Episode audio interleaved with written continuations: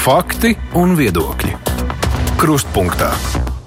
Studijā Mārija Ansone. Šis gads Latvijas kultūrā sācies ar sarežģījumiem, kur saistīta ar ēkām, kur baudām kultūra. Jaunais Rīgas teātris protestējot pret ievilkušos teātra ēkas rekonstrukciju paziņoja, ka jaunas lūgas vairs neiestudēs. Nu jau arī vairs netiek minēts konkrēts datums, kad teātra ēku varētu nodot. Tikmēr okupācijas muzejas stūra mājā Rīgā varētu nebūt pieejams apmeklētājiem no marta. Šie būs daži no jautājumiem, par kuriem mēs šodien iztaujāsim kultūras ministru Nauri Puntulu, kurš ir mūsu studijā. Labdien! Labdien! Man palīdzēs man kolēģi Latvijas radio Māra Rozenberga. Sveika, Māra! Sveiki! Un attālināt mums pievienojas RTV žurnāliste Santa Adamsone. Labdien! Labdien! Es arī sākšu ar eh, jauno Rīgas teātri. Nu, tās ziņas pirms tam bija diezgan tādas bēdīgas. Kultūras ministrija neko īsti ietekmēt nevar. Nekustamie īpašumi vairs eh, nesaka to precīzo datumu, kad varētu nodot. Vai jums ir teikt, bijušas kādas pārunas ar viņiem uh, nu, par varbūt ir jums kāda cerīgāka informācija. Un vienlaikus, vai jūs arī domājat, kā nākotnē novērst šādas situācijas, lai kultūras ministrija patiešām varētu kaut ko darīt, lai nepieļautu to bezgalīgo būvniecību, kas jau nav tikai šajā gadījumā, bet arī attiecībā uz citām kultūras sēkām? Jā, paldies par jautājumu. Jūs sakāt, sākšu ar to, jūs sakāt, ko nākotnē kultūras ministrija varētu darīt, lai nepieļautu šādu situāciju.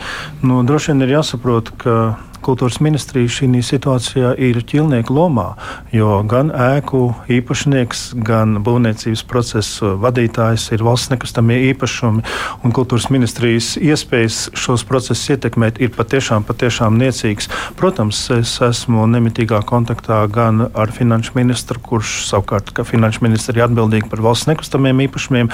Es tiekos arī ar valsts nekustamiem īpašumiem. Ar to valsts nekustamo īpašumu vadību, nu, protams, runāt man tiešā ceļā ar būvnieku laikam nebūtu nebūt tas, tas pareizākais veids. Es nezinu, kādas, kādas ir šodien, šīs dienas sarunu rezultāti. Kaut kad šī laikā notiek kārtējā tikšanās starp eh, būvnieku un valsts nekustamiem īpašumiem. Es joprojām zinu, ka, ka šis optimistiskais termiņš 23. gada oktobris vēl joprojām vīd.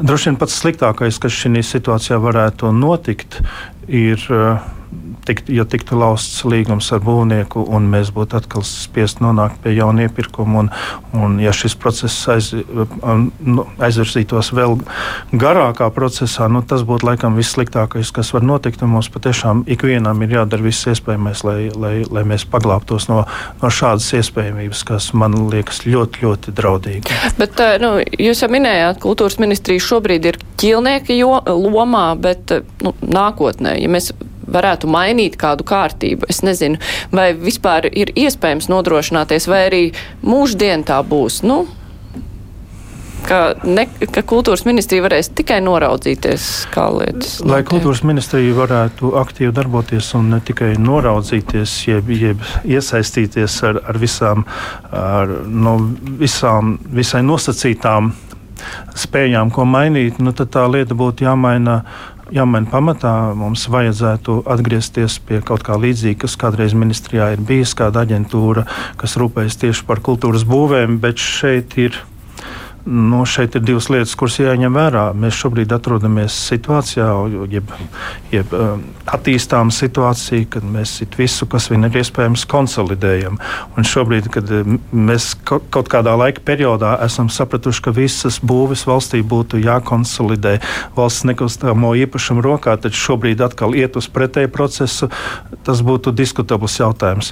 Otrakārt, ja nu gadījumā, ja nu gadījumā tomēr tiktu lēmts par šādu soli un varētu notikt, eh, notikt šī nu, šī jaunas aģentūras veidošana, varbūt kultūras ministrijas paspārnē tieši par kultūras būvēm, nu, vienalga tā, tā šie būvobjekti nekādā gadījumā es nepieļautu situāciju, ka šie būvobjekti būvu objekti tiktu pārņemti eh, tādā situācijā, kāda tie ir šobrīd, proti, puspabeigti, ar, ar, ar nepabeigtām saistībām un tam līdzīgi. Tas pirmkārt juridiski nav iespējams, un, un arī pēc lietu būtības tas būtu absolūti aplam. Tā kā, tā kā šī gadījumā, ja mēs runājam par tiem mūsu sāpju bērniem, kādi nu tie ir šobrīd, nu, nu, šī lieta būtu jāatrisina valsts nekustamiem īpašumiem. Par nākotni tas būtu jau cits jautājums.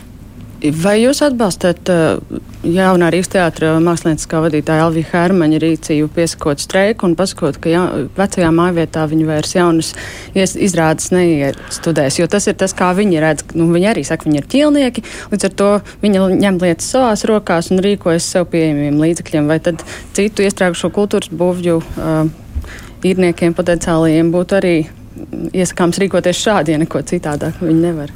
Jā, nu, mākslas cilvēki vienmēr ir bijuši emocionālāki nekā, nekā tie, kas nav tik cieši saistīti ar mākslu. Un droši vien no Hermaņa kunga šis ir vērtējams kā vairāk tāds emocionāls paziņojums, jo nu, mēs ļoti labi zinām, pieteikt streiku un streika likums un streika prasības. Tas ir daudz nopietnāk nekā šobrīd, nekā šobrīd uh, tas izskatās. Nu, Hermaņa kungs runā par, jau, par pirmizrāžu nenotikšanu šīs ēkās. Nu, tas gluži nav streiks, tā ir, tā ir ļoti izprotama Hermaņa kunga reakcija. Absolūti izprotama, bet nu, līdz tādam streikam, lai mēs par to devētu, devētu tādā klasiskā izpratnē, streiks un likumdošanas izpratnē, protams, nu, šeit jau līdz tam mēs neesam nonākuši, un tas arī nebūtu iespējams, jo ir zināms saistība. Protams, emocionāli es atbalstu, bet, bet, bet es vēlreiz uzsveru, ka tas noteikti nav uzskatāms par streiku. Tas ir, tas ir vēstījums, tā ir tā reakcija, ko es absolūti atbalstu. Protams, ka es to, kā, kā gan es to varētu neatbalstīt. Kolēģis Santa. Jā, es tikai varu piebilst par Valmieras drāmas teātri, kuram tā situācija ir bijusi, man liekas, pietiekami skaudra un ir bijis lausts līgums ar būvnieku, un tagad ir jauns iepirkums.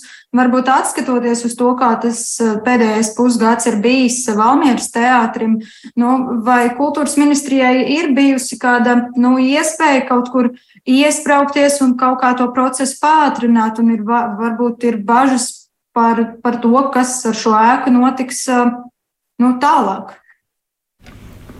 Jā, protams, Valmieras teātris laikam bija tāds. Nu, es neteiktu, gan, ka pirmais tas bija laikam, otrais, otrais tāds kliedzošs gadījums mūsu sadarbībā ar valsts nekustamiem īpašumiem.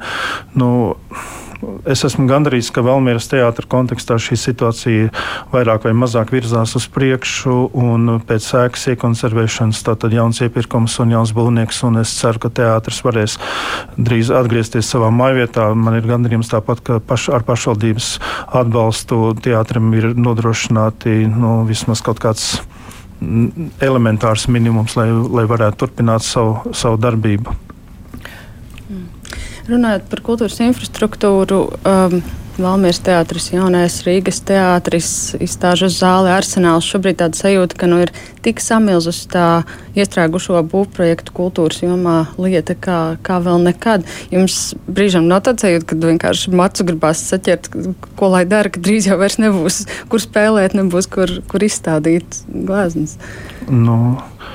Šādas sajūtas man, man rodās bieži, Un ne tikai būvniecības kontekstā, tāda ir tā ministra ikdiena, katru dienu sagaidīt eh, kaut ko, kaut ko līdzīgu. Bet es vēlreiz uzsveru, ja arī mēs eh, tālākā perspektīvā varētu runāt par kaut kādām lielākām izmaiņām attiecībā uz kultūras būvēm vai, vai kādas aģentūras veidošanu kultūras ministrijas paspārnē, tas jau neatrisina šīs iesāta, iesāktās situācijas. Tas vienkārši nav iespējams. Starp citu, kas notiek ar rakstniecības un mūzikas muzeju? Tur muzejs pagaidu mājās ir kopš 2015 gada, astoto gadu. Šobrīd jau pēdējais termiņš, par ko es jūtos dzirdējis, ir, ka muzeja jaunajām telpām Mārstaļielā būtu jābeig, jābūt pabeigtām šā gada maija beigās. Vai tā tas būs? Es vēl negribētu visam tam piemest klāt vēl vienu pagalu, bet man jāatzīst, ka visticamāk tā tas nebūs. Tā būs mums vēl viena problēma. Jā. Par okupācijas muzeju es sākumā pieminēju, ka no marta, jo šobrīd tur vēl norisinās dažādas sarunas, ka no marta apmeklētājiem tas nebūs pieejams. Kas tagad notiek, nu, kādā procesā tās visas pārunas ir? Jo no vienas puses ir nepieciešama būvniecības valsts kontrolas biroja atļauja, ka tur var tos remontdarbus taisīt ilgāk, bet ir jābūt arī ēkai pietiekoši drošai apmeklētājiem. Tajā pašā laikā ir nepieciešama arī nauda, lai to darītu, bet nekustamie īpašumi saka, lai viņi varētu izmantot kaut kādu savu naudu pārdodot īpašums, tur vajag valdības atļauju. Tur tas process ir aizlaists tālāk, lai būtu tas valdības lēmums, tas tas būvniecības valsts kontrolas biroja lēmums. Respektīvi, cik, cik daudz, cik procentuāli iespēja ir, nu, ka ka varēs tomēr pēc marta kaut ko skatīties? Atšķirībā no mums, mūsu nu pat apskatītajiem trīs objektiem, mm, situācija okupācijas muzejā, jeb stūra mājā, nu, es, es teiktu, tur tā brēka ir lielāka kā tā villa. Jo, ja mēs ietu, ja mēs ietu secīgi, tad iepriekšējās valdības laikā tas bija kopīgs koalīcijas lēmums, ka šī stūra māja nebūtu nododama atsevināšanai. Tas bija absolūti koalīcijas lēmums. Daļā no stūra mājas, tātad mājo okupācijas muzejs, un pārējā māja nav izmantota.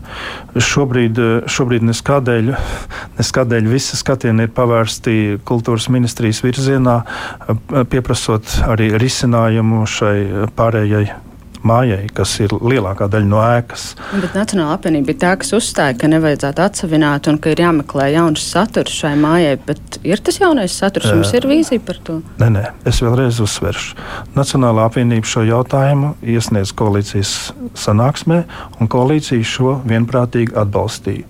Koalīcijas sastāvā to laik bija arī partija vienotība, jaunā vienotība un premjeras Krišāns Kariņš. Mēs Labi, visi kopā šo atbalstījām. Mēs visi, mēs visi šo atbalstījām vienprātīgi uzskatīja, ka nebūtu pareizi šo ēku nodot atsevināšanai.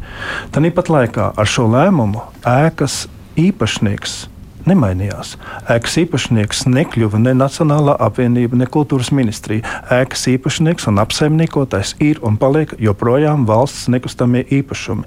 Mēs neizvirzījām nekādas citas prasības uz pārējo ēkas daļu, kā vienīgo prasību šo nevajadzētu ļaut atsevināt. Bet nevienā mirklī mēs neteicām, kādā veidā nekustamiem īpašumiem šis īpašums būtu jāapsaimnieko. Tikpat labi tas var, piedodiet, tikpat labi tas varēja slēgt līgumu ar izglītības ministriju un izvietot tur kādu skolu vai ar veselības ministriju un izvietot tur polikliniku. Tā bija valsts nekustamo īpašumu kompetence, kā apsaimniekot pārējo ēkas daļu. Mums nav jāsniedz priekšā valsts nekustamiem īpašumiem programma, kā viņiem saimniekot savās ēkās. Bet izlabojiet man, ja es kļūdos, bet eh, man šķiet, ka nekustamie īpašumi vienmēr ir atbildējuši, ka mēs jau darījām visu iespējamo, mēs piedāvājam visām valsts iestādēm, neviens tur negrib iet, mums vienkārši nebija vairs variants, tāpēc mēs viņu likām uz to izsoli. Nu, vai tagad kaut kas ir mainījies, tur kaut, kaut ko kam ir, kāds grib tur iet? Nē, acīm redzot, negrib tur iet. Tādēļ arī valsts nekustamā īpašuma šo paceļu dienas gaismā šo jautājumu aktualizē, jo acīm redzami viņi ar šo jautājumu netiek galā. Viņi nevar atrast šai ēkai citu risinājumu, kā tikai vienīgi tas, ko, nu, kas bija paredzēts nodot atsevināšanai. Labi, kolēģis Santa. Uh, Par infrastruktūru šķiet, nu, no manas puses vairāk jautājumu nebūs. Varbūt vienīgi pastarpināti tas, ko es uh, manīju, ka valsts budžetā viens no prioritārajiem pasākumiem, ko atbilst, atbalstīt, ir demontēto pieminekļu uh, uzturēšana okupācijas muzejā. Vai ko tas īsti nozīmē, kā tas izpaužas, vai tas arī ir kaut kādā mērā saistīts ar infrastruktūru, kādos, kādos apmēros varbūt varat uh, izskaidrot? Šim jautājumam šobrīd nav nekādu nevēlamu blakņu. Valsts ir atvēlējusi finansējumu okupācijas muzejam šo pieminiektu uzturēšanai, un uzturēšana notiek. Es negribētu būt precīzāks, zinām iemeslu dēļ, bet jā, kādā Latvijas lauka teritorijā šie pieminekļi tiek glabāti. Es sākumā Tev vēl ir jautājumi par infrastruktūru? Nē, par infrastruktūru gan nē, man jā. par saturu būtu jautājumi diezgan daudz. Uh, es sākumā nepateicu, ka arī klausītāji var rakstīt mums savas vēstules, nezvanīt, bet rakstīt, sūtot ziņu no mūsu mājaslapas. Un mums ir jautājumi par dziesmu svētkiem, par eh, dziesmu svētku biļetēm, eh, ka šobrīd eh, beigām tuvojas iepirkums, kur viena no prasībām ir maksimāli plašs tirdzniecības tīkls. Un ir doma, ka varētu talkā nākt tirgotājiem vēl kādi partneri, teiksim, Latvijas pasts vai degvielas uzpildes stacijas, un vai ir pārliecība plāns, ka izraudzītais pretendents spēs nodrošināt, lai pie biļetēm tiek maksimāli daudz Latvijas iedzīvotāju, un vai ir plāns, lai svētku gaisotni nesagandētu biļešu pārpircēji, rindas nespēja tikt pie biļetēm un tā tālāk? Droši vien es sākšu ar to, ka kā es mazliet ironiski saku, ka dziesmu svētku biļešu tirdzniecības politika nekad nebūs laba. Viņa nevar būt laba pēc būtības, ja no, no simts personām, kuras karo iegādāties vienu biļeti, un biļeti iegādājas vienu, un 99 personas nav apmierināts. Tad vienmēr tiks vainots biļešu pārdošanas, ja tirdzniecības mehānismus un politika. Protams, tāpat laikā gan Nacionālais kultūras centrs, gan, gan dziesmu svētku padomu un izpildu direkcija rūpīgi seko iepriekšējo svētku pieredzēm un mēģina ar katru, ar katru reizi šo, šo procesu uzlabot. Tā tas tika darīts arī šogad. Jā, šobrīd eh, viens, viens no pretendentiem ir iesniedzis prasību, jeb, jeb apstrīdējis šo iepirkumu, eh, iepirkumu uzraudzības birojā. Kamēr šīs eh, nav izskatīts šajā kompetentajā iestādē, es vairāk par šo nevēlētos komentēt. Man būtu jautājums par citu tēmu, par vienu šīs nedēļas aktualitāti, proti jūsu partijas biedra mm, Egila Helmaņa ogres mēra ierosinātā izstāde Ogres vēstures mākslas muzejā eh, no Pjotra Avena privāta kolekcijas Rīgas porcelāna izstāde.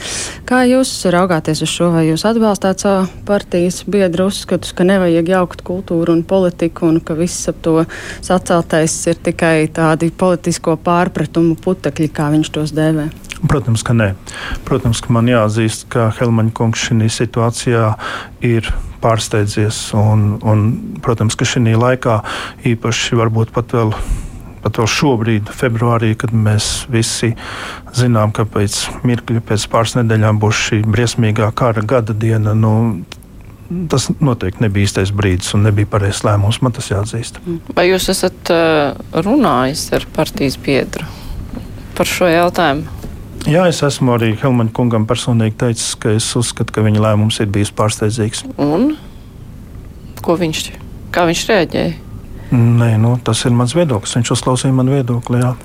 Tā pašā laikā šobrīd ogrē sāk parādīties plakāti, lieli krāsaini, kurā ir virsraksts vai vērsīsim sankcijas pret savu kultūru. Nezinu, vai tā ir Helmaņa paša privāta nauda, par kuriem viņš šos plakātus ir uh, drukājis, vai tie ir pašvaldības resursi, bet ja tie būtu pašvaldības resursi, jūsuprāt, tāda rīcība ir atbalstāma? Uh, kā gan lai es atbildētu uz šo jautājumu, ja arī es pirmkārt neesmu redzējis šos plakātus, otrkārt arī es nezinu, vai tie ir pašvaldības līdzekļi vai, vai privāti vai kādi citi līdzekļi. Man nav informācijas par šo, lai es to vērtētu. Bet, plaš, varbūt Santai par šo jautājumu arī Par, varbūt uh, līdzīgiem gadījumiem, varbūt uh, mazāk zināmiem. Pagājušā gada izskaņā viens bija par uh, Rotko centra. Rotko centrā mākslas izstādi, kur bija igauņu mākslinieki, pašvaldība bija ierosinājusi izņemt igauņu mākslinieku pāris darbus Varbūt mazāk zināms gadījums bija arī dzērbenē, kas ir cēsu puse, kur um, bez autora atļaujas, bet ar pašvaldības ziņu un akceptu tika izmainīts viens vidas mākslas objekts kāda mākslinieka. Uh, nu, Tie piemēri ir vairāki, kur pašvaldība uh, kaut kā mēdz izstāžu, muzeju un tam līdzīgi darbos iesaistīties. Uh, nu, kādas ir tās robežas, ko ministrija var tajā brīdī darīt, vai kaut ko var teikt? Jā. Jā, paldies par jautājumu. Šie ir it kā līdzīgi, bet tomēr atšķirīgi gadījumi. Kā jebkurā demokrātiskā sabiedrībā, un īpaši, īpaši pie mums tas ir skaidri noteikts, valsts funkcijas un pašvaldību autonomijas funkcijas. Mēs kā valsts, protams, nevaram ietekmēt pašvaldību kultūras procesu organizēšanu. Tāpat laikā visos šajos gadījumos, lai cik viņi būtu līdzīgi vai atšķirīgi, es varu kā ministrs teikt tikai vienu - demokrātiskā sabiedrībā mākslas politiska cenzūra nav pieļaujama. Bet domājot par šo avena privātu kolekciju, kurā ir ļoti liels skaits Rīgas porcelāna vērtību, kas eh, patiešām ir nu, liela Latvijas kultūras vērtība. Nav noslēpums, ka avens pat pirms kara vēl taisījās savu porcelāna muzeju taisīt Rīgā. Uh, Um, ko darīt ar šiem Krievu mecenātisma mm, punktiem Latvijas kultūrā un, un tiem mākslas darbiem, kas ir nonākuši, kā izrādās Putinam pietuvinātu un viņa karam veltītu audienču apmeklētāju rokās. Jūsuprāt, tur Latvijas valstī būtu kaut kā jāiesaistās? Es mēģināšu vispirms atbildēt tā globālāk. Izcili mākslas darbi it visur pasaulē nevienmēr nonāk uh, tādās rokās, kur sabiedrība vislabprātāk to redzētu. Un kādus secinājumus no tā izdarīt? Tā tam būs būt neko Tā darīt. tam būs būt. Un... Jā, nu es, es neesmu drošs, vai, vai, vai, vai ministrijai būtu, ja valstī būtu tik daudz, tik daudz finansējumu, lai atpirktu visus darbus no privātajām kolekcijām. Es nedomāju, ka ir kāds mm, ka, ka privātie kolekcionāri būtu arī ar mieru savus darbus eh, pārdot valstī tikai tādēļ, ka valsts tā vēlētos. Man ir jautājums par uh, bibliotekām. Uh, Jūrmalā tika likvidētas divas filiāles, uh, nu, reorganizētas. Uh, tajā pašā laikā nu, vismaz Buldura filiāli ir ievietota uh, Jūrmālas teātrī, vēl viņa nav vaļā, bet uh, ir skaidrs, ka tā neatbilst uh, likumam, nu, tam, kādai ir jābūt bibliotekas filiālē. Jūs iesaistījāties šajā te un aicinājāt savā laikā Jūrmālas domu pārskatīt šo lēmumu. Likums nav izpildīts par filiāļu skaitu attiecībā uz iedzīvotāju skaitu. Un, uh, nekas nenotika.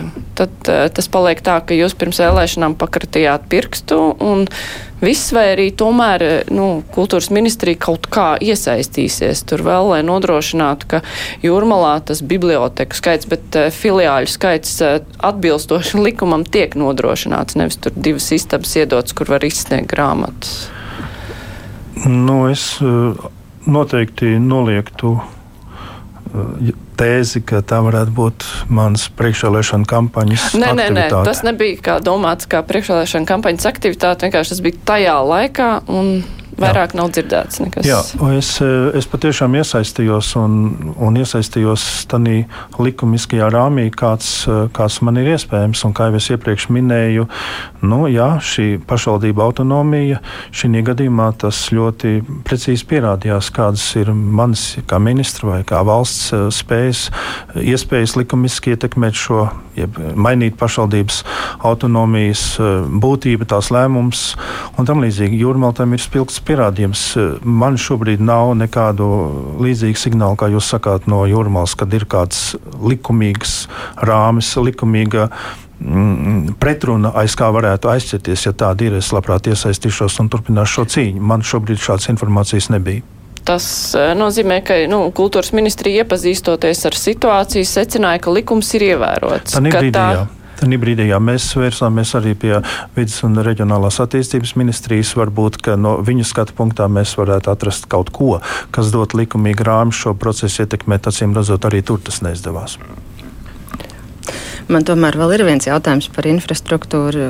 Gribu, negribu, mēs neesam pieskārušies jautājumam par laikmatīgās mākslas muzeju šobrīd vēl. Un Valdis Zatlers, bijušais valsts prezidents, ir uzņēmies tādu kā.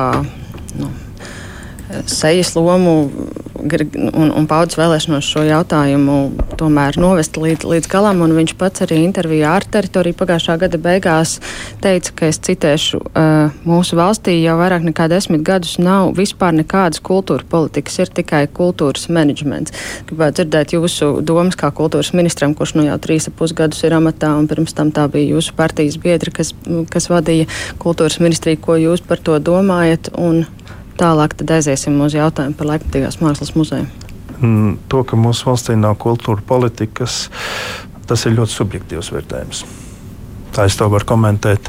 Kas attiecas, ja mēs eh, no kultūras politikas ejam mazliet šaurākā leņķī uz kultūras būvēm, tad šobrīd eh, cienījamais arhitekts Jānis Dripa veido krājumu kurš būs, kurš būs nonāks pie lasītājiem nākamā šī gada vasarā par to, par kultūras būvēm atjaunotās Latvijas laikā. Uh, Ticiet man, tas ir ļoti iespaidīgs krājums un būs. Un tā. Kas, at, atgriežoties pie Zetlera kunga, es esmu ļoti gandarīts par Zetlera kunga iniciatīvām, arī brīvības pieminiekļu sakrā. Mums tur ir laba sadarbība. Es esmu pārliecināts, ka mēs labi sadarbosimies arī laikmatīgās mākslas muzeja būvniecībā. Zetlera kungs, es aicināju Zetlera kungu pie sevis vizītē pagājušā nedēļā mēs, mēs kopā spriedām, kā, kā mēs šo procesu varētu patiešām, patiešām pātrināt un izkustināt no, tās, no tā punkta, kur tas atrodas teju tikpat ilgi kā akustiskās koncerta zāles būvniecība. Un kā jūs to varētu pātrināt? Kurā pusē tad ir šobrīd bumba?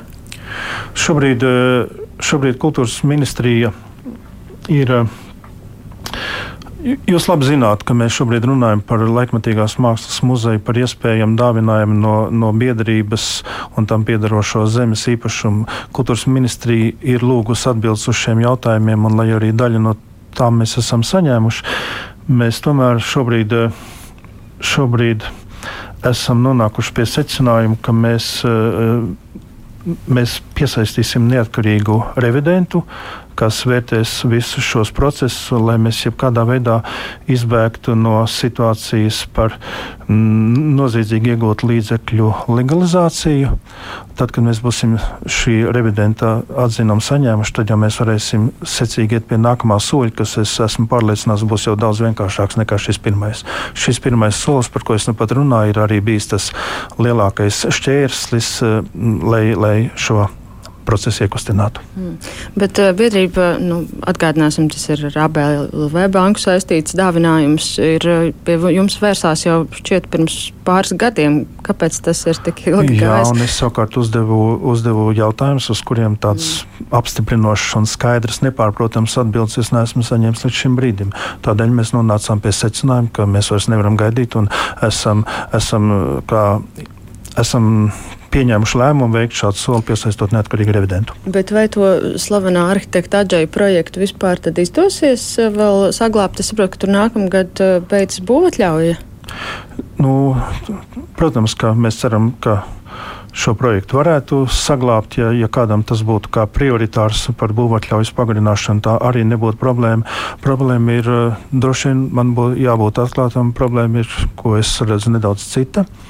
Ka, kā jau tas ir raksturīgi, droši vien, ka ir kādi cilvēku grupas, kuri varbūt eh, šo laikmetīgās mākslas muzeju redzētu kādā citā lokācijā, kādā citā projektā, un droši vien viņi arī aktīvi, aktīvi būtu gatavi par to stāvēt, un vēl kāds cits, vēl kādā trešajā. Un, nu, varētu... Jūs jūtat kādu spiedienu par to, ka vajadzētu kaut kur citur to muzeju celt Rīgā? Vai? Nē, es vienkārši, es vienkārši zinu, jā, ka ir iniciatīvas, iniciatīvas ka šis varētu būt arī nebūt nevienīgais risinājums. Bet tās iniciatīvas ir... varētu būt bremzējošais faktors, jo, kā Māra vaicāja, vai ir spiediens, ka vajag kaut kur citur būvēt? Vai? Nē, man, man, man pilnīgi absolūti šāda spiediena nav. Es vienkārši, es vienkārši domāju, ka tāds varētu konkrēti būt mirklīgi, ja mēs jau būsim tikuši kādu soli uz priekšu, kad varētu atkal parādīties kāda diskusija, vai tiešām tas ir vienīgais risinājums, vai šis cits risinājums nebūtu labāks. Un spiediens jau gal galā, eh, spiediens jau gal galā visticamāk nebūs eh, uz, uz mums, bet, eh, bet uz, uz Rīgas domu, kas, jo šis muzejs tiks būvēts Rīgā. Es došu vārdu Santai. Santa. Jā, varbūt arī kaut kā mm, sasaistīts jautājums, bet um, par kultūras mantojumu apsaimniekošanu. Um, mūsu žurnālisti uh, reģionos ir secinājuši, ka pēc uh, teritoriālās reformas uh, dažās pašvaldībās spriež par to, ko darīt ar uh, mūžām, un dažreiz tas pat šķiet tāds kā sloks. Uh, Nu, piemēram, Smiltenes pusē Gaujienas pilsētas ansambli vai daļa no tā precīzi neatminos, grasījās pārdot par, par vienu eiro. Tad tur izskanēja arī viedokļi, ka, ka, lai to kaut kā risinātu, būtu nepieciešams varbūt pamainīt šos apsaimniekošanas nosacījumus, kas kultūras mantojumam ēkām ir, nu, var noprast visai sarežģīts. Uh, varbūt ir signāli vēl par kādiem gadījumiem, un, un ko tad īsti varētu darīt un iesaistīties, lai tā mūža nebūtu nu, tāds kā sloks, ar kuru nezinātu, ko iesākt. Šī ir, šī ir patiešām aktualitāte, jo Jo kultūras ministrijas rīcībā finansējums, kas ir mantojuma pārvaldē, ik gadus ir bijis pavisam šim mērķim pavisam niecīgs. Domāju, ka esmu precīzi 600 tūkstoši. Nākamā gada budžeta prioritātēs mums izdevās to palielināt vēl par pusmiljonu, taču, taču tas jau šo situāciju neatrisina. Atgriežoties nesenā pagātnē, jā, mums ir patiešām liels veiksmes stāsts, veiksmes stāsts tātad Eiropas finansējums 60 miljonu apmērā, kas 44 pašvaldībās ļāva atjaunot ap, ap 60, 66 objektus. Projekts saucās Atrastā Latvija. Šobrīd tas ir rezultējies arī grāmatā, un tas ir patiešām liels veiksmes stāsts.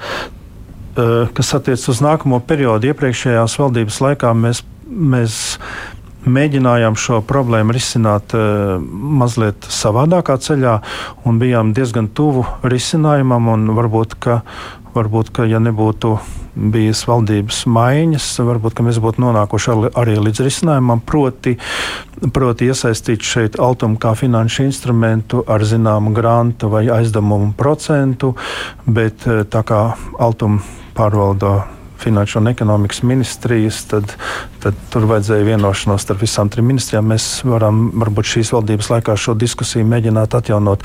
Bet tas bija viens no, viens no ceļiem, kā mēs, kā mēs redzējām, redzējām izēju no šī, jo šādas nepieciešamības visā Latvijas teritorijā ir milzīgas un ieguldījumi, kas būtu vajadzīgi, lai atjaunotu visus šos objektus, ir milzīgi. Es varu teikt tikai paldies tiem mecenātiem, kuri patiešām to ir izdarījuši, un dažas no šīm ēkām ir savaduši lieliskā kārtībā. Tās ir kļuvušas par ļoti pieprasītām, apmeklētām kultūra telpām, un patiešām liels paldies un lepnums par viņiem. Man arī jāatgādina klausītājiem, vēlāk Latvijas televīzijas skatītājiem, ka šodien kopā ar mums ir kultūras ministrs Nauris Puntulis, arī kolēģis Santā Damsona no RTV un Māra Rozenberga no Latvijas radio. Mēs tūlīt turpināsim. Raidījums Krustpunktā. Klausītāja jautājums, kas saistās jau ar uh, sabiedrības integrācijas problēmām, mediju atbalsta politiku, par uh, mediju atbalsta fondu finansējumu. Kurš skatās, kā un kur to izlietot? Ir minēts piemērs, ka neatkarīgā rīta avīze par uh, fonda naudu ir publicēja, publicē žurnālisti Imantu Liepiņu, kurš ir notiesāts par žurnālistu ētikas pārkāpumu un apmelošanu. Kā tas tiek vērtīts, kur aiziet tā nauda? Jo jautājums par mediju atbalstu fondu izlietošanu ir bijis nereiz vien. Nu, sākšu ar labām ziņām. Kopš es stājos amatā, med, finansējums mediju atbalsta fondam ir četrkāršojies. Tās ir tās labās ziņas. Eh, protams, mums ir bijuši gadījumi, kad mēs eh, ir bijušas diskusijas, eh, kurās mēs sabiedrības integrācijas fondā, kas tad pārvalda šos finanšu līdzekļus, esam vērtējuši, vai, vai ir pamatot piešķirt vienam vai otram mēdījam šis atbalsts. Un Jūs jau arī zināt, ka dažos gadījumos mēs pat esam bijuši spiesti iesaistīt arī institūcijas, lai nonāktu pie, pie, pie kāda lēmuma. Jā, vai, var, vai katram katram, ja, ja, ja, ja tiek piešķirts kāds naudas apjoms konkrētai programmai, vai katrai detaļai var tik rūpīgi izsekot līdzi eh, no visa tā apjoma, no nezinu, nezinu cik tas ir iespējams, bet eh, jebkurā gadījumā eh, nākamajā periodā, kad attiecīgais medijs atkal piesakās uz šo finansējumu, šie gadījumi ir jāņem vērā. Par šo konkrētu gadījumu tas ir iemesls, lai pārdomātu vai piešķirt vēl šim mēdījam? Tā būtu eksperta diskusija. Ja es par medijiem izmantošu iespēju pajautāt arī par sabiedrisko mediju finansējumu, nu pat šī gada budžetā valdība lēma mm, par citu lietu, par kultūra kapitāla fonda budžetu. Palielināt, piesaistot to, atgriežot to tajā procentu likmes piesaistēt sarežģīts formulējums, bet vārdu sakot, doma tāda, ka nevis politiķi lem par to, cik daudz kultūra kapitāla fonds katru gadu saņems, bet tam budžets veidojas no procentuāla atskaitījuma no nodokļiem. Un ilgu laiku jau sabiedriskie mediji arī ir aicinājuši uz šādu pašu sistēmu. Um, arī, arī mediju finansēšanā, lai būtu šis rokas stiepiena attāluma princips, kur politiķi nevar patiešo eh, tā teikt lemt par to, cik tad naudiņas kurā gadā būs. Eh, kā ir šobrīd ar, ar to, ja nu reiz ir eh, tas vāks atvērts vaļā un, un šāds princips ir atjaunots attiecībā uz kultūra kapitāla fondu, vai jūs redzat iespēju, ka arī sabiedriskajiem mēdījiem tad varētu būt šāda veida finansējums? Man ir grūti atbildēt uz šo jautājumu. Šī diskusija droši vien jaunās valdības eh, sastāvā nav bijusi. Ja mēs atceramies iepriekšējo valdību, jūs ļoti labi zināt, ka Mans viedoklis bija, ka šis būtu pareizs solis piesaistīt vienai procentu likmei. Es pat man pat nav priekšlikuma tieši kurai un kādai un cik daudz, taču sistēmiski es to uzskatītu par pareizu, bet jā, mans priekšlikums neguva atbalstu un tāds arī palika. Varbūt, ka, varbūt, ka jaunās valdības ietvarā mēs šo diskusiju varētu vismaz atvērt un turpināt redzēt. Šobrīd man būtu grūti prognozēt. Kolēģis Santa. Jā, eh, arī par mēdījiem noteikti vēlos pajautāt. Eh, ne par saturu, bet tehnisku atbalstu, jo nu, šajā gadā nav noslēpums, ka esam daudz runājuši par gatavību krīzēm, arī militārām krīzēm, krīzēm civilās aizsardzības eh, plāniem un to, kā to protam. Un, nu, šādos krīzes situācijās, ko redzam arī no Ukraiņas pieredzes, nu, ļoti svarīga ir mēdīju nepārtrauktība un tā darba turpinātība. Jautājums, zinu, daudziem reģionāliem mēdījiem ir par to, vai ir dienas kārtībā bijis jautājums tieši par tehnisku atbalstu, par ģeneratoru iegādi, par dažādu, nezinu, pieņemu informācijas drošības sistēmām, lai gadījumos, kad, piemēram, nav elektrība, mēs varam un spējam nodro, nu, turpināt šo, šo darbu ļoti svarīgo krīzēs. Uh Vismaz Mēdīņu atbalsta fondā šis nav bijis skatīts jautājums, un Mēdīņu atbalsta fondam ir mazliet, mazliet citi tie finansējuma piešķiršanas mērķi. Man ir gandarījums, ka šī gada budžeta kontekstā ir ir pavirzījusies uz priekšu lieta par sabiedriskā medija šim, šo tehnisko nodrošinājumu. Tātad beidzot, beidzot vismaz budžeta ailēs ir, ir ieraksts par, par šo rezerves pulti Latvijas televīzijā, kā arī par, par jaunu, jauniem PTS, tā kā solis šī virzienā spērts, kas. Uh, Kas attiecas uz jūsu jautājumu, nu, tas droši vien būtu jāskata nedaudz citā kontekstā, domājot jau par informatīvās telpas drošību, ne tikai par medijiem. Bet uh, sabiedrības integrācijas uh, lauciņā mediji ir nu, viena ļoti svarīga sadaļa, bet tas nav viss. Vai ministrijai, kur atbild par šo sabiedrības integrācijas uh, problēmām, vai ir, nu, ņemot vērā visu, kas ir noticis pagājušajā gadā un uh, visu, kas turpinās, un mēs redzējām, vēlēšanu rezultātus pašvaldībās, kuras atrodas tuvāk Krievijai un Baltkrievijai. Nu, vai ministrijai ir kaut kādas, es nezinu, jauns virziens, nu kā, kā risināt šos sabiedrības integrācijas jautājumus, jo mēs visi redzam, ka tur ir milzīgas problēmas, bet eh, kā tās atrisināt īsti nav skaidrs. Man mazliet pārsteidz, ka Man mazliet pārsteidz, ka mēs uz šo jautājumu pēc eh, notikumiem, sākoties Ukrainas, karam Ukrainā, mēģinām, mēģinām tagad teikt, ka mēs esam ieraudzījuši kādu citu realitāti. Un pēkšņi kaut ko atklājuši. Manuprāt, šī realitāte ir bijusi skaidra visu šo laiku. Un, pirmo reizi mēs šī, šīs realitātes priekšā droši vien nonācām pirms no nu jau šķiet 11 gadiem, eh, kad bija referendums par valsts valodu. Mēs redzējām šo, šo skaitu, ko, šo, šos, ja nemaldos, 300 tūkstoši, kuri bija pret latviešu valodu kā vienīgo valsts valodu. Un būtu pārsteidzoši domāt, ka šobrīd tas skaits būtu mazāks. Kādēļ kultūras ministrija taču atbild par integrācijas politiku. Jautājums ir, ko jūs saprotat ar vārdu integrācija, ko mēs saprotam ko ar vārdu saprotat? integrācija. Droši vien šis rādījums būtu par īsu, lai mēs to izdiskutētu šo tēmu. Man, ja, ja drīkst tā novērsties nedaudz no tā, tad uh, bija ļoti interesanta diskusija par šo žurnālā klubs, kur bija interesants dalībnieks skaits Vjačeslavs Dobrovskis no savas puses, kā etnisks nelatvietis, jeb etnisks krievs vai ukrainis. Uh, Edvins Inkens un Denis Hanovs. Un katrs no savas skatu punkta patiešām, patiešām piekrist vairāk eh, Inkena kungam, ka tā nav lieta, ko var, ko var atrisināt ar kādu regulu vai, vai, vai, vai ātru darbību, un ka to var atrisināt gada, divu, trīs vai laikā. Bet Tas jūs pats ļoti... minējāt, es, pa, es atvainojos, es vienkārši atgriežoties pie jautājuma. Eh, jūs pats minējāt, pirms 11 gadiem mēs to visu skaidri redzējām. Šobrīd mēs ieraudzījām arī to, kādas sekas var būt integrācijas problēmām. Paldies Dievam, tas nav noticis Latvijā, bet uh, kas var notikt uh, valstī, kur tiek izmantoti cilvēki, kuri nav lojāli. Un, ja 11 gadus mēs to zinām, Un tas nav izdarāms divu, trīs gadu laikā. 11 gadu laikā taču kaut ko varēja darīt. Kāpēc tas netiek darīts, un vai tagad, saprotot, ka tā realitāte ir sliktāka vēl, vai tagad aši nav jādomā, ko tad darīt tajos nākamajos 11 gados? Manuprāt, mēs jau esam aši gan domājuši, gan arī darījuši. Un pirmā lieta, kas ir darījusi, ir mēs esam beidzot nolēmuši pārējai izglītībai uz vienu valodu, proti, uz valsts valodu.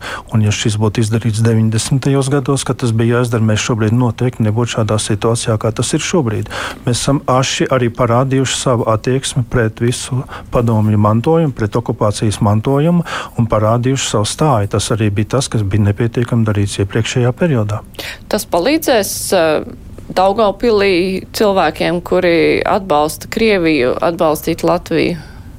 Es esmu pilnīgi drošs, ka liela daļa no tiem, kas atbalsta Krieviju, to atbalstīs arī turpmāk, un nekas viņus nepiespiedīs mainīt savu viedokli. Bet liela daļa no viņiem tomēr pieslēgsies mums un būs mūsu pusē. No, nu, labi, kolēģi! Par iekļaujošu sabiedrību runājot, jums pērnā gada nogalē bija tāda publisku vēstuļu sarakste ar diezgan lielu skaitu kultūras darbinieku. Vienu vēstuli bija parakstījuši vairāk kā 400, nākamo jau vairāk nekā 500, kur uh, viņi pauda bažas par to, ka jūs vadītā kultūras ministrija un jūs kā kultūras ministrs ne, neīstenojat uh, kultūra politikas pamatnostādnēs ierakstīto iekļaujošu sabiedrības uh, veicināšanu. Runa ir par civilās savienības likumu Kā jums tālāk, tur jūs abas puses aicinājāt uz diskusiju, uz sarunu par to, ka mums vajadzētu šo, šo jautājumu apspriest. Jūs vēl runājat arī par tautas nobalsošanu šajā jautājumā. Kur lūdzu šis jautājums ir pašlaik? Un... Es esmu šo jautājumu visu savus atbildes sniedzis. Man nav nekā jauna, ko pateikt. Mēs dzīvojam demokrātiskā sabiedrībā, kur katram ir tiesības uz savu viedokli, tostarp man. Es to esmu paudis. Uh, ja runājot par iekļaujošu sabiedrību, es uh, lepojos ar saviem panākumiem.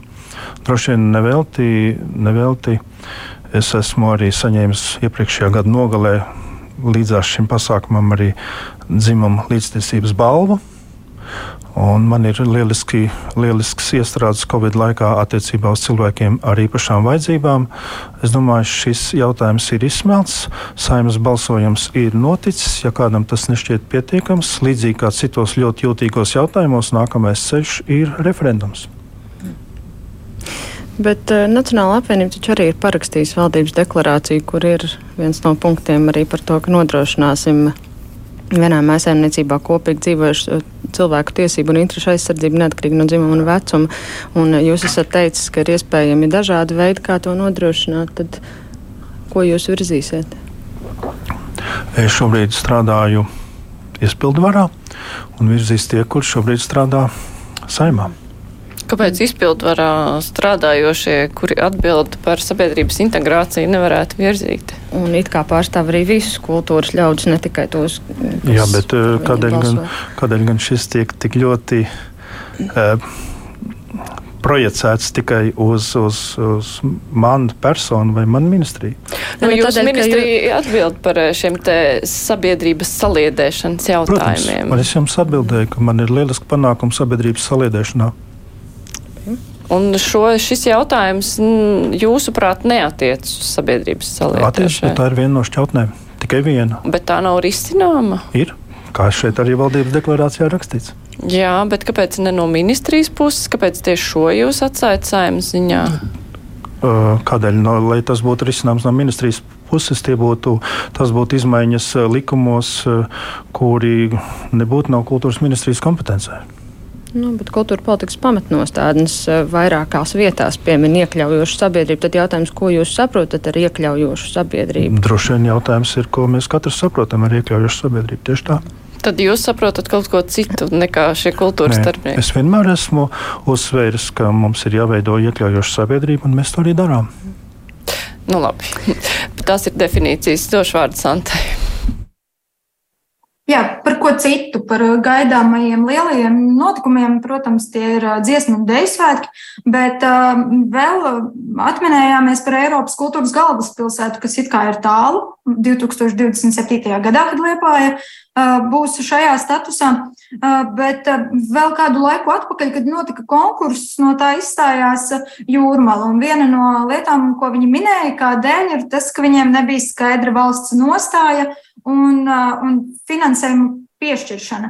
Es saprotu, ka tas ir 2027. gads, bet nu, kā tas virzās uz priekšu, kā tas vispār notiek un cik liels atbalsts tas varētu būt Liepājai, jo es pieļauju, ka tas nav viena gada darbs un šie priekšdarbi uh, ir jau iepriekš, iespējams, jau tagad. Jā, paldies par jautājumu. Manuprāt, šeit nevajadzētu būt neskaidrībai. Valsts ir definējusi, ka tās atbalsts šim procesam ir mērāms 10 miljonu apmērā. Ne, un ne vairāk kā, ne vairāk kā puse no kopīgā finansējuma. Tas bija jau skaidrs jau pašā sākumā, kad tika sludināti konkursi. Un, piedošana, jā, un Liepāja šobrīd ir ceļā uz to, un tad, tad finansējums tiks piešķirts divos iepriekšējos gados pirms 27. gada. Par gaidāmiem lielajiem notikumiem ir jautājums ar, par dziesmu svētkiem saistībā ar dziesmu svētkiem.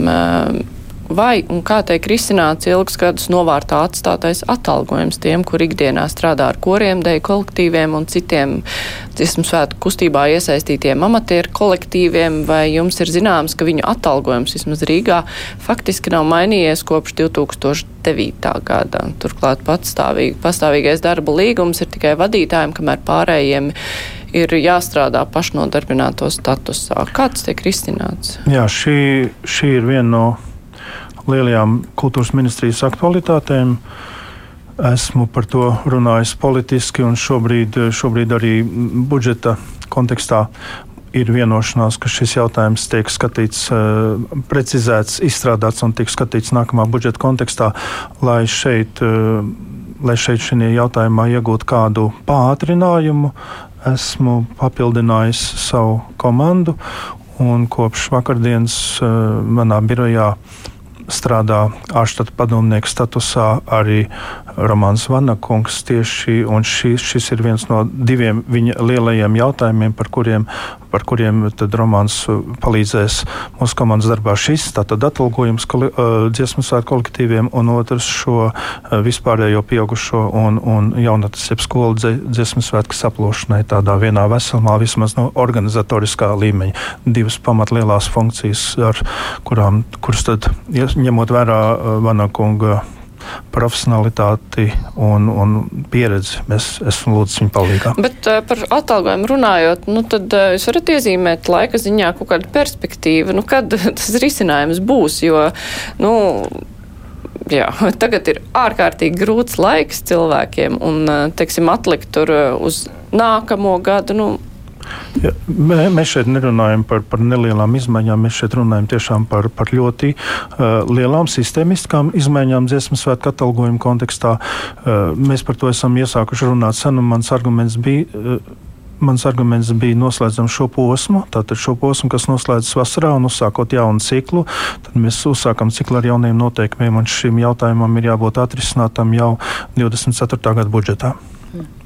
Par finansējumu kultūras nozarē runājot vispār, mums eh, pirmdien Latvijas Rādio 3 rādījumā Mēsters Knekts, viens no sarunas biedriem, bija finanšu ministrs Arvils Ašarādins no jaunās vienotības, un viņš pauda tādu interesantu domu, par kur es gribētu dzirdēt arī jūsu viedokli.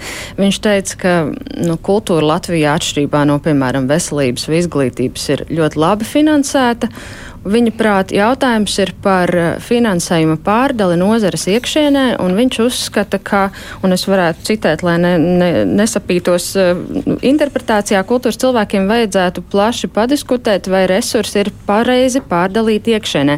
Mēs sakam, jā, kultūras izglītība, bet es gribētu redzēt daudz lielāku akcentu uz akadēmiskām struktūrām, jo esam mantojuši plašu mūzikas skolu tīklu, kas ir ļoti labs, bet ļoti izmaksu ietilpīga lieta. Kā jūs redzat, jo tas nu tieši tiešām tā ir tāda tīra politiska izšķiršanās droši vien sarunās ar nozares pārstāvjiem par to finansējumu sadali. Prioritātes, kas ir kultūras ministrijai, viena no tām viennozīmīgi ir dziesmu svētku tradīcija, amatieru māksla kustība, kas, kas veido mūsu nāciju. Otrs, kas veido mūsu nāciju, ir mūsu kultūra izglītības tīkls. Tie veido mūsu nāciju nevien nonākot pie trešā punkta, panākot, jeb izveidojot izcilības un spīdakļus mūsu kultūras nozarē, bet mūsu arī kā nācija kopumā kā kultūras sapratējus, baudītājus un patērētājus. Un par šo ir bijušas dažādas diskusijas. Es apzinos, ka šis kultūra izglītības process ir ļoti dārgs. Bet, ja es domāju par mūsu nāciju ilgtermiņā, es vienmēr aizstāvēšu pozīciju, ka šim kultūra izglītības tīklam ir jābūt plašam. Mm. Tad mūzikas skolām nav jāķers klāt Protams, mums ir jārunā par, par, par tādām jēgpilnām izmaiņām, uzlabojumiem. Ir, es esmu arī ierosinājis šobrīd diskusiju gan eh, visos līmeņos, gan ar, gan ar pamat izglītību, pēc tam jau vidējo augstāko līdz pat, līdz pat orķestriem. Tā, šādā, bet, eh, vertikālā griezumā mums būtu jāsastiekas visiem, un to mēs darīsim tuvākā laikā. Taču es, es nebūtu gatavs. Es nebūtu gatavs uh, revolucionārām pārmaiņām par ievērojamu uh, kultūra izglītības iestāžu samazināšanu. Pilnīgi noteikti nē, jo es vēlreiz uzsveru šeit Šeit mēs veidojamies kā nācija, un šeit, ir, šeit mēs dzimstam un attīstāmies kā nācija, kas saprot kultūru, kas novērtē kultūru. Un, un šeit ir pamats tam, ka mēs varam dēvēt arī par kultūru nāciju. Protams, blakus dziesmu svētku tradīcijai. Jā, un tā kā mums vairāk nav vairs laika izvērstiem jautājumiem, tad viens precizējošais no klausītāja puses, vai tad šobrīd ir nolemts, cik tad dziesmu svētku biļetes tiks pārdots internetā, cik klātienē? Mm, es neatbildēšu tik detalizēti uz, uz, uz šādu jautājumu. Skaidrs ir tas, ka diemžēl jārēķinās, ka dziesmu svētku biļetes. Nu, protams, būs dārgāks nekā mēs to vēlētos, bet nu, tāda ir šī situācija. Jo kopumā dziesmu svētku budžets, uh, lai dziesmu svētkus mēs varētu redzēt tādus, kā mēs to gaidām, kādi, kādi tie ir pelnījuši būt. Kopējais budžets ir 16 miljoni. Šobrīd es esmu gandarīts par to, ka valdība ir bijusi pretīm nākšana un man ir izdevies iegūt šo papildus finansējumu tieši dziesmu svētkiem nākamajā gadā, lai mēs tos tiešām varētu nodrošināt. Bet, nu, ir, diemžēl, jāsaka, arī cenas biļetēm nebūs lētas. Tas ir, ja var tā ļoti īsi nosaukt skaitli, mums vienkārši pusminūtīte palikusi. Jā. Un skaitlis ir, cik tas maksās? Dažādi, līdz pat 100 eiro. Līdz pat 100 eiro. Labi, saku paldies. Šodien kopā ar mums bija kultūras ministrs Nauris Puntulis, arī kolēģis Māra Rozenberga no Latvijas radio Santa Adamsona no RTV. Bet rēdījums izskan, producenti ir Evi Junāma studijā, bija Mārija Ansona. Visu labu!